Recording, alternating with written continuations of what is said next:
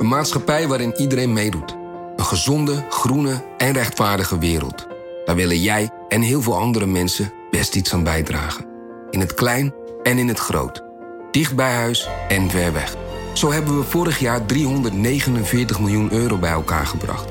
Miljoenen waarmee onze goede doelenpartners de wereld elke dag een beetje beter kunnen maken. Nationale Postcode Loterij. Samen voor een betere wereld.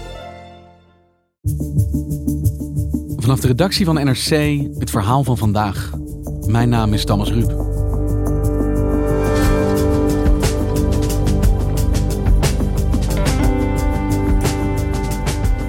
Afgelopen zomer ging het weer mis. Griekenland en Turkije botsten over een olieveld in de Middellandse Zee. En binnen no time voeren er oorlogsschepen door het gebied. Het zoveelste in een lange rij conflicten tussen Erdogan en de EU. Vandaag komen de Europese regeringsleiders bijeen in Brussel om precies daarover te praten. Wat moet Europa met Turkije?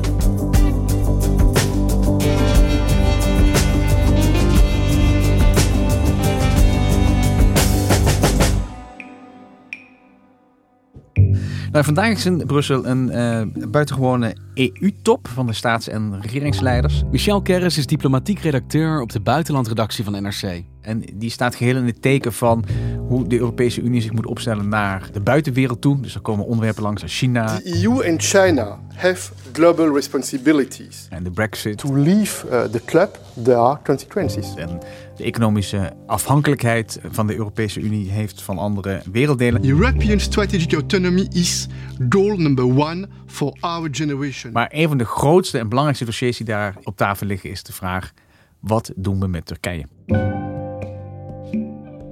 En waarom Turkije? Waarom is dat op dit moment urgent om het daarover te hebben? Nou ja, de, relatie tussen de EU en Turkije is, is al, die gaat eigenlijk al jarenlang van, van crisis naar crisis naar crisis. En afgelopen zomer liepen de spanningen in het oosten van de Middellandse Zee hoog op. Tussen Turkije aan de ene kant en Griekenland, Cyprus aan de andere kant.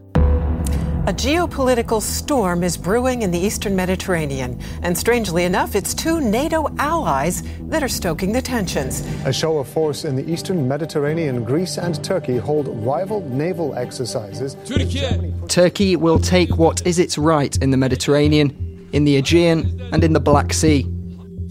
We will never compromise on what belongs to us. Dat gaat over olie- en gasboringen. Een jaar of tien geleden is geconstateerd dat in die hoek, in het oosten van de Middellandse Zee, dat daar heel veel uh, fossiele brandstoffen nog onder de zeebodem zitten. Ik ben een geografisch enorme minkukel. Wat, wat, wat ligt daar in het oosten van de Middellandse Zee? Nou, dan heb je Griekenland met de Griekse eilanden. Je hebt daar Cyprus. En je hebt dan natuurlijk dat hele kommetje. Zeg maar van noord naar zuid lopend. Uh, denk even uh, Turkije, Syrië, Libanon, Israël, Egypte. Uh, Libië, als je helemaal aan het zuiden bent. En wat heeft dat teweeggebracht, die ontdekking? Nou ja, iedereen probeert natuurlijk daar rechten te claimen en dat te exploreren wat daar uh, ligt. En nu hebben heel veel landen, behalve Turkije, hebben samen een soort van samenwerkingsverband uh, opgericht een tijdje terug. En gedacht van oké, okay, we gaan samen proberen die fossiele brandstoffen naar boven te halen en daar geld mee te verdienen. En het was eigenlijk een reactie tegen Turkije. Wat daar dus nu buiten gehouden wordt. Omdat Turkije altijd heel assertief en agressief zelf claims op tafel legt. En de rest dacht van, wij gaan even proberen dat, uh, dat samen uh, te tackelen. En hoe reageerde Turkije daarop, dat het buiten de boot gehouden werd? Nou, Turkije probeert dan steeds weer aandacht te trekken en die claims neer te leggen. Dus wat ze dan bijvoorbeeld doen, is dan laten ze een groot onderzoeksschip, laten ze uitvaren naar Griekse wateren. En dan sturen ze ook nog oorlogsschepen mee. En dan heb je natuurlijk een idiote situatie dat je in Europa oorlogsschepen van het ene land in het zeegebied hebt van een ander land. In mid-August, Greek and Turkish warships actually collided in the eastern Mediterranean. We're hearing some pretty martial rhetoric. And some experts are saying this, in fact, is uh, the highest level of tension we have seen between these two countries since 1974. Dus de Grieken uh, reageerden natuurlijk daar tamelijk furieus op. En die proberen dan ook weer van alles te doen om uh, hun positie te verstevigen. En die trokken bijvoorbeeld aandacht door dan met Frankrijk te gaan praten over de levering uh, van gevechtsvliegtuigen. En dat dan weer bekend te maken. France has assumed a bold role in escalating tensions between Greece and Turkey. Athens will acquire 18 new French made Rafale fighter planes, among other defense systems, including four Navy helicopters and four new frigates. Dus die spanningen liepen steeds, steeds hoger op. En het risico daarvan is natuurlijk dat dat een keer onbewust door een fout er een keer iets misgaat. Daar is een beetje rust ingekeerd, omdat Griekenland en Turkije via de NAVO overleg gevoerd hebben op een soort van technisch niveau, op militair technisch niveau, om te voorkomen dat er dus ongelukken gebeuren. En dat was een soort eerste begin van een heel klein beetje ontspanning. En Turkije heeft dat onderzoeksschip teruggehaald naar eh, Turkije. En daarmee ook de oorlogsschepen. En daarmee is het dus een stuk rustiger geworden, ja. Maar dit is dus niet opgelost. Dus dat is waar ze het vandaag eigenlijk over gaan hebben. Over olie, gas en spanning op de Middellandse Zee. Vandaag gaat het over eh, de relatie tussen de EU en Turkije. En die is nog vele malen gecompliceerder dan dit kleine voorval van deze zomer doet uh, geloven. Er speelt meer. Er speelt heel veel meer. Bij Griekenland en Turkije ligt Cyprus. En dat is al jarenlang een groot probleem in de relatie tussen Turkije en Griekenland en tussen Turkije en de Europese Unie. Dit is een eiland, het is in tweeën gedeeld. Uh, je hebt het Turkse deel tussen aanhalingstekens en je hebt het Griekse deel. En het hele eiland Cyprus, dus het hele grondgebied, is lid geworden van de Europese Unie. Maar je hebt natuurlijk dat gedeelde eiland. En is het zo dat de Europese wetgeving geldt wel op het zuidelijke deel en niet op dat uh, Turkse noordelijke deel. En als je ooit een keer als Turkije lid zou willen worden van de Europese Unie, dan moet het natuurlijk het zuidelijke deel erkennen als aparte staat. En Turkije erkent dat niet. Ja, en het is natuurlijk ondenkbaar dat je lid wordt van een club en als je één, lid, één ander lid van die club uh, niet als zodanig als aparte staat erkent. Dus daar ligt een enorm probleem al jaren tussen Turkije en de Europese Unie over Cyprus. En in zo'n olieconflict, of dat oliegasconflict waar we het net over hadden, komt dat natuurlijk weer bovendrijven. Oké, okay, dus het gaat vandaag over olie en gas en over ja, dat ingewikkelde eilandje daartussenin, Cyprus. Ja, maar er is nog veel meer. Want je moet ook meteen even nadenken over uh, Libië, als je het uh, over uh, Turkije en Europa hebt. Oké, okay, kom maar door. dat zal als volgt. Uh, een van de, toen Turkije dus buiten de boot viel in dit consortium in de Oostelijke Zee, toen zei Turkije, weet je wat, wij gaan investeren in Libië. Nou, is Libië een gecompliceerd land? Right now, Libya and its backers are split between two rival governments. In Tripoli, the UN-backed government of Fayez al-Sarraj. En je hebt de, de, door de VN erkende regering in Tripoli. And in Tobruk, the Libyan National Army led by General Khalifa Haftar. En je hebt de krijgsheer Haftar, die zit in het oosten. En het was lange tijd zo dat die, die streden letterlijk tegen elkaar. En Turkije heeft toen contact gelegd met de VN-regering in, in Tripoli. En gezegd van wij komen jullie helpen militair. En tegelijkertijd hebben ze een soort geweldige deal gesloten over hoe ze het zeegebied tussen hun beiden in verdelen. En dat was erg gunstig voor Turkije. Turkije kreeg daar dus ook veel exploratierechten uit deze deal. Well, the maritime boundary separates what Turkey and Libya have agreed will be their exclusive economic zone. They say this gives them full rights to exploit natural resources, including oil and gas. Het probleem daarmee is natuurlijk dat Haftar, die werd weer gesteund door Arabische Emiraten en door Rusland. En dus door daarin te stappen, heeft Turkije nu ook problemen weer met de landen die Haftar steunen. Maar hoe zit de EU daar dan tussenin? En dat olie- en gasconflict trekt de Europese landen er ook heel direct bij, omdat bijvoorbeeld een aantal van de rechten om daar uh, te mogen boren is uitgegeven aan Europese bedrijven, aan Franse en Italiaanse bedrijven. Dus zo zie je dat eigenlijk op een of andere manier iedereen daar uh, aan elkaar hangt. Oké, okay, dus we hebben nu gehad de boringen en de spanningen tussen Griekenland en Turkije. De ingewikkelde positie van Cyprus. Libië, waarvan alles over elkaar heen buitelt. Zijn we er dan nee, ongeveer? Nee, nee, nee, nee. Nu begint het pas interessant te worden. Want nu, oké, okay, nu, heb je, nu moeten we nog even hebben over Syrië. Uh, wat daar gebeurde was dat uh, de Verenigde Staten vrij onverwars zeiden... Uh, wij trekken onze troepen terug uit Noord-Syrië. En de Verenigde Staten vochten daar zij aan zij met de Koerden in Noord-Syrië tegen IS en tegen het regime van Assad. En ongeveer een jaar geleden zei Trump, we gaan hier weg. Precies. En binnen de kortste keren viel zonder enige aankondiging NAVO-lid Turkije Noord-Syrië binnen.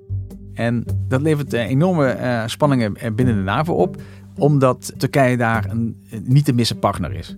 dus Turkije is een groot land. Het uh, uh, heeft een sterk krijgsmacht. Dus vanuit NAVO-perspectief, vanuit verdedigingsperspectief, kun je niet om Turkije heen. En dat weet Turkije natuurlijk heel goed. En wat ze natuurlijk een beetje doen is via die NAVO-band, als het ware, de EU weer dwars te zitten. De EU wil zelf ook steeds actiever worden op defensiegebied. En er is een hele lijst, ik geloof het zijn 75 uh, projecten of raakvlakken waar de EU en de NAVO elkaar raken. En iedere keer als een van die projecten op tafel komt, dan zegt Turkije ho ho, vind ik misschien niet zo'n goed idee. Of die gaan dan een beetje dwars liggen of, of moeilijkheden zoeken. Uh, dus om op die manier, uh, dus via de NAVO, de EU ook nog in de tank te nemen. Dus daarom zijn spanningen in de NAVO ook van plan.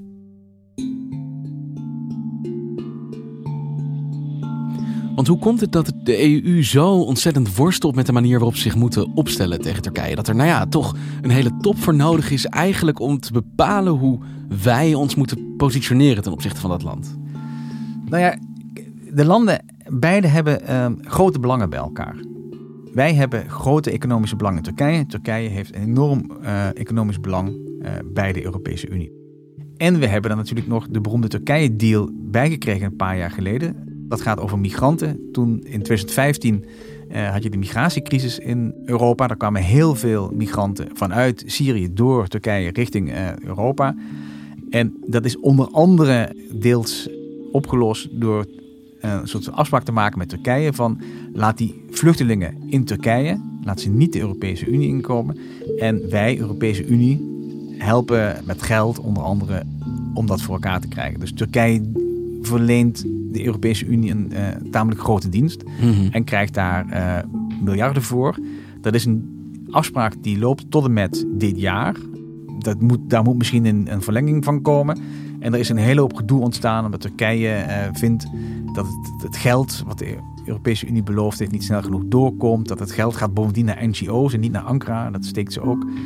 dus over die deal is ook al heel veel gedoe geweest. Want dit is een deal waar de EU waarschijnlijk veel aan gelegen is om die te behouden en te verlengen. Dus het is vrij precair hoe het gaat tussen de EU en Turkije op dit moment. Ja, ik heb vorige week zag je dat heel goed. En heeft de Europese Unie, of de Commissie, heeft een migratieplan voorgesteld. Wat de komende jaren zeg maar, migratie naar de Europese Unie moet regelen. Ja, het is een plan dat het schijnbaar onverenigbare probeert te verenigen. De landen van de Europese Unie die al zoveel jaren zoeken naar een oplossing voor het migratieprobleem. En dat gaat eigenlijk uit van uh, vrij kleine migratiestroom.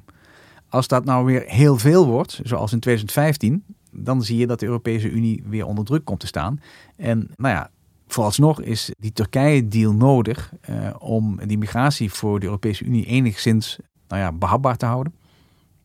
En in het voorjaar heeft Turkije op een gegeven moment gezegd van, uh, om eens te laten zien hoe machtig ze is op dat punt, heeft ze gezegd van oké, we gooien de grenzen open. Loop allemaal maar door naar, naar Griekenland. En die is ook vervolgens weer opgelost met veel praten en topoverleg. En uiteindelijk is afgesproken, we gaan proberen het gesprek hierover te hervatten. European Union leaders and Turkey's President Erdogan have agreed to review the way that they manage migrants. In other words, make a new deal to replace an older deal. En dat net toen ze daaraan begonnen, brak de pandemie uit. Dus dat, toen had iedereen plotseling iets anders aan zijn hoofd. En toen die gesprekken weer hervat werden, toen had je opeens die spanningen in de Middellandse Zee. Die natuurlijk het gesprek, een normaal ontspannen gesprek tussen de EU en Turkije ook weer in de weg zat. Dus daar is niet heel veel beweging in geweest. En precies dat lijkt mij dat er nu nodig is. Een gesprek tussen de EU en Turkije. Ik bedoel, jij bent onze diplomatieke redacteur. Ik vermoed dat dit is wat er moet gebeuren. Je moet met dit land op een of andere manier tot een nieuwe verstandhouding zien te komen. Ja, en, en hoe je dat nou moet doen, dat ligt dus vanavond in Brussel op tafel. In principe zijn er twee scholen. En de meeste landen willen op een of andere manier dat dat gesprek weer uh, van de grond uh, komt. Er is achter de schermen heel veel gebeurd deze zomer. Charles Michel, de voorzitter van de Europese Raad, uh, Angela Merkel, Macron, iedereen heeft overleg met elkaar gehad. Er zijn heel veel gesprekken geweest, ook achter de schermen met Turkije, met president Erdogan. Om op een of andere manier weer een basis voor een gesprek te vinden. Ce dialogue, nous savons tous la difficulté. Nous n'avons aucune naïveté, mais nous souhaitons le réengager de bonne foi. En dat is dus de ene school. De landen die zeggen Europa is er veel aan gelegen om nu in gesprek te komen met Turkije. Precies, dus dat is de ene school die probeert het overleg. En dan heb je uh, nog Cyprus, weer Cyprus. En Cyprus zegt nee, uh, wij willen graag sancties. Je willen graag, Turkije gaat toch niet luisteren. Turkije is niet vatbaar voor overleg. Je moet Turkije straffen of in ieder geval dreigen met straffen. Anders krijg je Turkije niet aan tafel. Hoezeer staat het dwarsliggen van Cyprus uh, gesprekken met Turkije in de weg? Kan één land dat blokkeren? Nou, in theorie kan één land zoiets blokkeren. Het buitenlands beleid in de Europese Unie wordt genomen per unanimiteit op dit moment. Dus je moet het allemaal met elkaar eens zijn. Wil je een besluit kunnen nemen? Je kunt dus niet met meerderheid beslissen. Although there is a clear will to adopt those sanctions, it has not been possible to do that today because the required unanimity was not reached. Wat Cyprus nou ook doet op een ander front, is namelijk eh, de Europese Unie heeft meteen na, komt nog een land bij nu, Wit-Rusland, namelijk na de verkiezingen daar gezegd, wij accepteren die verkiezingen niet, wij steunen het regime van de president Lukashenko niet. En wij willen graag de oppositie steunen door het regime van Lukashenko te straffen met sancties. Ja. Zes weken geleden geloof ik al bedacht dat de Europese Unie dit wil doen. En Cyprus zegt nee. Dus Cyprus houdt dus de sancties tegen Wit-Rusland tegen. Nu al een paar weken in zijn uppie. Min of meer om druk op de rest te zetten om Turkije hard aan te pakken. En hoe staat Erdogan hierin, denk je? Hoe kijkt hij vanuit Ankara naar deze top en wat Europa wil? Wat is zijn positie hier? Erdogan moet een deel van de oplossing zijn, maar is natuurlijk vooral een deel van het probleem. Want het is een beetje de manier de persoon uh, en de politicus die hij is, maakt het natuurlijk voor de Europese Unie niet veel makkelijker. Hij is natuurlijk een beetje een, een straatvechter. hij, uh, hij gaat op een podium staan in, tijdens verkiezingsbijeenkomsten en scheldt dan Europese uh, regeringsleiders uit bijvoorbeeld. Hey Rutte, sen seçimi birinci parti olarak almış olabilirsin. En hij is ook een beetje een, een, een, ja, hoe moet je het zeggen, een, een speler. Want hij, gaat, hij bouwt de spanning op, hij zoekt ruzie, hij trekt aandacht. En vlak voordat het echt misdreigt te gaan, dan wordt hij weer een beetje stiller. Want plotseling laat hij het dan weer zakken. Dus bijvoorbeeld, uh, hè, dus dan, hij stuurt dat schip, stuurt de oorlogsschepen mee. En dan als het echt heel erg spannend wordt, dan haalt hij dat schip dan ook weer weg. Dus hij gaat steeds tot het uiterste. En dat maakt hem natuurlijk als onderhandelingspartner een, een, lastige tegenstander. En het grote probleem is natuurlijk dat hij een, autocratisch regime leidt. En heel sterk een soort van nationalistische retoriek gebruikt thuis om zijn eigen aanhang op te peppen. En dan daarbij altijd de Europese Unie eh, gebruikt als een grote tegenstander. Önce Türk milletiyle uğraşma. Türkiye ile uğraşma. Hoe hij zich tegen Europa opstelt is altijd met een blik achterom naar zijn eigen kiezers. Ja. Hey, ik noemde je net voor de opname al eventjes voor de grap onze topredacteur. Dat bedoel ik natuurlijk ook figuurlijk, maar ook letterlijk. Jij volgt dit soort internationale tops, jij beoordeelt die. Wat kan zo'n top teweeg gaan brengen vandaag? Hoe belangrijk kan dit blijken te zijn? Nou, ik denk dat nu iedereen al heel blij zou zijn als er een soort van een weg naar een constructief gesprek zou zijn. Dus vandaag zal het er vooral om gaan dat de EU moet proberen met één hele duidelijk afspraak voor zichzelf te maken van oké, zo deze aanpak zouden we willen. Dat klinkt aan de ene kant als een bescheiden ambitie, maar zelfs dat is dus niet zeker of dat gaat lukken. Ja, dialoog is altijd leuk, maar je moet natuurlijk wel proberen vooruitgang te boeken en je moet dan ook misschien zeggen van we moeten bepaalde criteria hebben waar langs we zo'n gesprek dan gaan beoordelen. Dat gesprek moet gevoerd worden. Nou ja, dat moet je allemaal neerleggen. Dus ik vermoed dat jij een uh, paar dagen vol livestreams voor de boeg hebt. Ja, precies. We zullen zien. Uh, het begint vanmiddag, ik geloof, om drie uur. Het, uh, het belooft, omdat Cyprus dus dwars ligt, belooft het een lange avond te worden. Zet hem op, Michel. Dank je, dank je. Je luistert naar vandaag, een podcast van NRC. Eén verhaal, elke dag. Dit was vandaag. Morgen weer.